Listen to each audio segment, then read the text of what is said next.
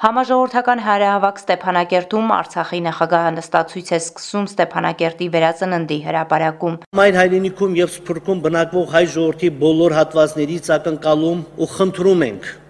որ բոլոր հնարավոր գործողությունների դիմեն որոշում կայացնողների ուշադրությունը հրավիրելու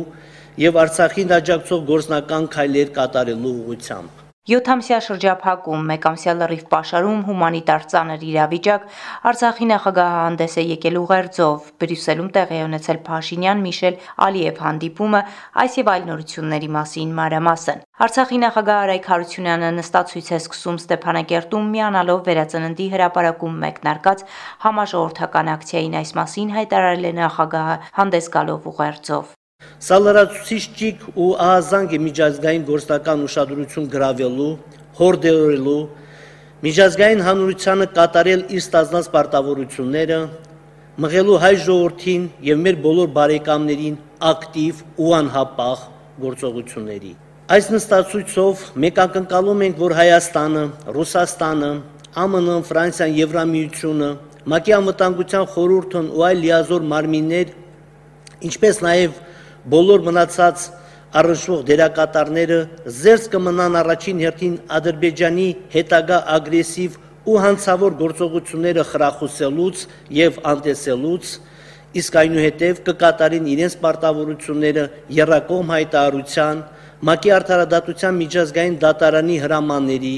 եւ միջազգային այլ ակտերի ու պայմանավորվածությունների պատշաճ կատարման ուղղությամբ։ Անցաչափած Ֆրանսիայի Սենատի նախագահ Ժերար Լարշենը Հայաստանի ազգային ժողովի նախագահ Ալեն Սիմոնյանին ընդունելուց հետո Twitter-ում գրել է. «Ես խնդրել եմ անհապաղ վերաբացել Հայաստանն ու Լեռնային Ղարաբաղը կապող Լաչինի միջանցքը եւ արագացնել Ֆրանսիայի կողմից պաշտպանական զենքի մատակարարումը Հայաստանին, ապահովելու նրա անվտանգությունը»։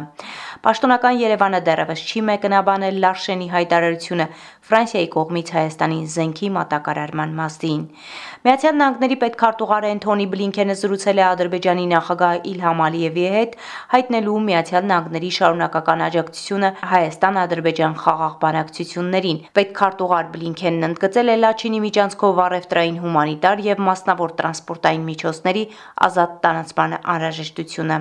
Բրյուսելում տեղի ունեցել Հայաստանի վարչապետի Եվրախորհրդի նախագահի եւ Ադրբեջանի նախագահի հանդիպումը, ավելի վաղ վարչապետ Նիկոլ Փաշինյանը հանդիպում է ունեցել Եվրոպական խորհրդի նախագահ Շարլ Միշելի հետ։ Վարչապետը Լեռնային Ղարաբաղի նախագահ Արայիկ Հարությունյանի խնդրանքով Միշելին է փոխանցել Լեռնային Ղարաբաղի նախագահի նամակը։ Զրուցակիցները քննարկել են երրակողմ հանդիպումներում ձեռք բերված պայմանավորվածությունների կատարմանը վերաբերող հարցեր։ Քննարկումները կրկին եղել են անկեղծ, ազնիվ եւ առարկայական Հայաստանի վարչապետ Նիկոլ Փաշինյանի եւ Ադրբեջանի նախագահ Իլհամ Ալիևի հետ հանդիպումից հետո հայտարարել է Շարլ Միշելը։ Մեր հանդիպումը վերջինն էր Բրյուսելում, Քիշնևում, Վաշինգտոնում, Մոսկվայում եւ երկկողմ Հայաստանի եւ Ադրբեջանի ղեկավարների, փոխվարչապետների եւ արտաքին գործերի նախարարների մասնակցությամբ ինտենսիվ եւ արդյունավետ բարձր մակարդակի հանդիպումների շարքից։ Եվրամիության առաքելության դիտորդներն ամեն օր 3800 կիլոմետր բարեկություն են իրականացնում, ասված է Հայաստանում Եվրամիության առաքելության հայտարարությունում։ Նշվում է, որ Եվրամիության առաքելությունը հայ-ադրբեջանական միջադեպերից հետո հավաքել է ստուգված տեղեկատվություն, որպես Եվրամիության քաղաքացիական անզեն առաքելություն մեր մանդատն է զեկուցել անվտանգության իրավիճակի մասին եւ միջադեպերից հետո հավաքել ստուգված տեղեկատվություն, ինչպես օրինակ օրերս երասխում ասված է հաղորդագրության մեջ։ Ադրբեջանական կողմը անցած շաբաթ հրադադարը խախտել է ինչպես երասխի, այնպես էլ Հայաստանի հետ սահմանի տարբեր հատվածներում։ ՄԱԳ-ի Երևանյան գրասենյակի մոտ տեղի ունեցել Արցախի ապաշրջափակման համաժողովրդական շարժման հայաստանյան ակցիան, որը շարունակվել է Հայաստանում Ռուսաստանի դեսպանատան մոտ։ ՄԱԳ-ի գրասենյակի արչև են հավաքվել նաև արցախցի փոքրիկները։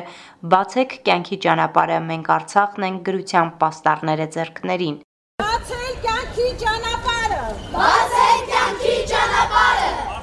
Արցախ, Արցախ, Արցախ։ Մեզ արցախցի փախստականներից համար բացարձական հասկանալի է, ինչպես կարող է ճանապարհը շրջափակել մի երկիր, որը ՄԱԿ-ի անդամ է։ Ինչպես կարող է ՄԱԿ-ը հանդուրժել այդ երկրին իր կազմում եւ չբանեցնել զսպիչ մեխանիզմներ։ Արցախ Արցախի 7-ամսյա շրջափակումը եւ հատկապես 1-ամսյա լրիվ պաշարումը օրեցօր սրում են ժողովրդի անվտանգային ու հումանիտար վիճակը։ Մեկնարկած նստացուցին միանալն իմ սահմանադրական, քաղաքացիական ու ազգային պարտավորությունների կատարման ուղղված ծայրահեղ քայլ է, այս իրավիճակում ես ավելի արդյունավետ այլ տարբերակ չեմ զգում, չեմ գտել։ Արցախի նախագահը ուղերձ է հղել հայտարարելով, որ սկսում է նստացույց միջազգային ուշադրություն գրավելու, հորդորելու միջազգային հանրությանը պարտադրել կատարել ստանձնած պարտավորությունները, մղելու հայ ժողովրդին եւ բարեկամներին ակտիվ ու անհապաղ գործողությունների։ Վստահ եմ, որ տարբեր երկրներում նստացույցների ու բողոքի ու իրազեկման այլ զանգվածային արշավների միջոցով հնարավոր է շոշափելի արդյունք ապահովել այս պայքարում։ Միջազգային հանրությունը պետք է զգա հայ ժողովրդի վճռական կանգն ու սատարումը Արցախին, քանի որ Արցախի հայկական ու արժանապատիվ ապագայի բանալին հենց հայ ժողովրդի ձեռքերում է։ Հարությունյանը նշել է, եթե մեկ շաբաթվա ընթացքում միջազգային միջամտությամբ Արցախի ժողովրդի վիճակը չվերադառնա քիչ թե շատ բնականon հուն, ապա կդիմեն ավելի կոշտ գործողությունների։ Պահը օրհասական է։ Աստված պահապան Արցախին եւ ուժ ու կորով մեր ժողովրդին։ Այսպիսով նախագահը միանում է օրեր առաջ Ստեփանակերտում սկսված համաժողովրդական ակցիային ողջ Արցախը ոտքի է կանգնել, բողոքի ցույցեր են անցկացնում։ Մենք ուզում ենք ապրենք մեր հայրենիքում, մեր հողի վրա։ Մենք մեր հողը մենք, մեր հողի դերն ենք,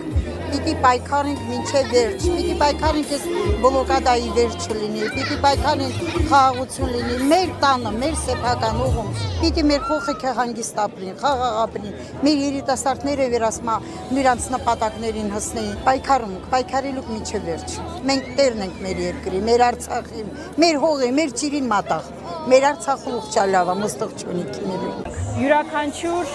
գնացողի հետ հասկանում ես, որ հաջորդը քո եղբոր, քո որդու, քո հոր հերթն է, ինքդ քեզ զոհաբերելու հերթն է։ Բավ է, մենք չենք ուզում, որ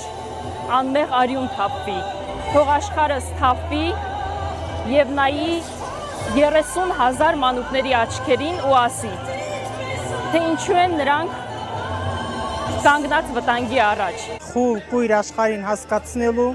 որ մենք մեր հողի տերն ենք մենք իրավունք ունենք ապրելու մեր տներում, մեր papերի, մեր եղբայրների արյան գնով,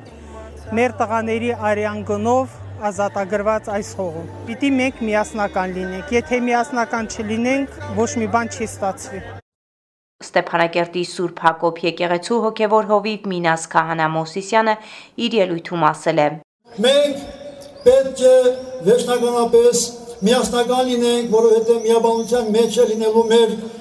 օրտնյալ ապագան։ Հերթական այս հավաքույթը ամեն բան է ասում մեզ բոլորիս համար։ Աստծո սերը շնորհախաղությունը լինի բոլորիդ հետ, մեր Արցախ աշխարհի հետ, այժմ եւ միշտև Հավիդյան Սավիդենից։ Ամեն։ Դեպի հաղթանակ։ Ամեն։ Մասնակիցներին դիմել է պետնախարար Գուրգեն Ներսիսյանը հայտարարելով, որ շարժումն անժամկետ է Ադրբեջանի կողմից Արցախի ժողովրդին պատանդառելու եւ Հայաստանի հետ կապող ճանապարհը արգելափակելու հետևանքով հումանիտար իրավիճակն Արցախում օրորի պատանում է։ Արցախի ժողովրդի ինքնորոշման իրավունքը սակարկման առարկա չէ։ Արցախի ժողովուրդը ինքնորոշման իրավունքը վաստակել ու այն իրացրել է։ Արցախի ժողովրդի ճակատագրի տերը Արցախի ժողովուրդն է։ Եվ Արցախի ժողովրդի անունից արվող ցանկացած զիջողական հայ, հայտարարություն, ցանկացած զիջողական որոշում առ ոչինչ է։ Ստեփանակերտի վերածննդի հրապարակում հարավակից հետո մասնակիցները շարժվել են դեպի ռուս խաղաղապահ հարակելության տեղակայման վայր, ներկայացնելով Արցախն ապաշրջափակելու եւ հումանիտար աղետի ընթացքը դադարեցնելու պահանջ խնդրանքը։ Ադրբեջանական զինուժը շրջափակման մեջ պահելով Արցախը շարունակում է խախտել հրադադարը կիրառելով ականանետ հրաձգային զենք։ Ստեփանակերտում մեկնարկած համաժողովրդական հարավակներին զուգահեռ ակնկալում են, որ հայ ժողովրդի բոլոր հատվածները Մայր Հայաստանում եւ Սփյուռքում եւս ոդքի կկանգնեն ու գործնական քայլերով իրենց սատարումը կբերեն Արցախին, Արցախի նախագահի խորհրդական Արտակ Բեգլարյանը իր հայտարարությունում նշել է, քանի որ Արցախը բացառիկ նշանակություն ունի ողջ հայ ժողովրդի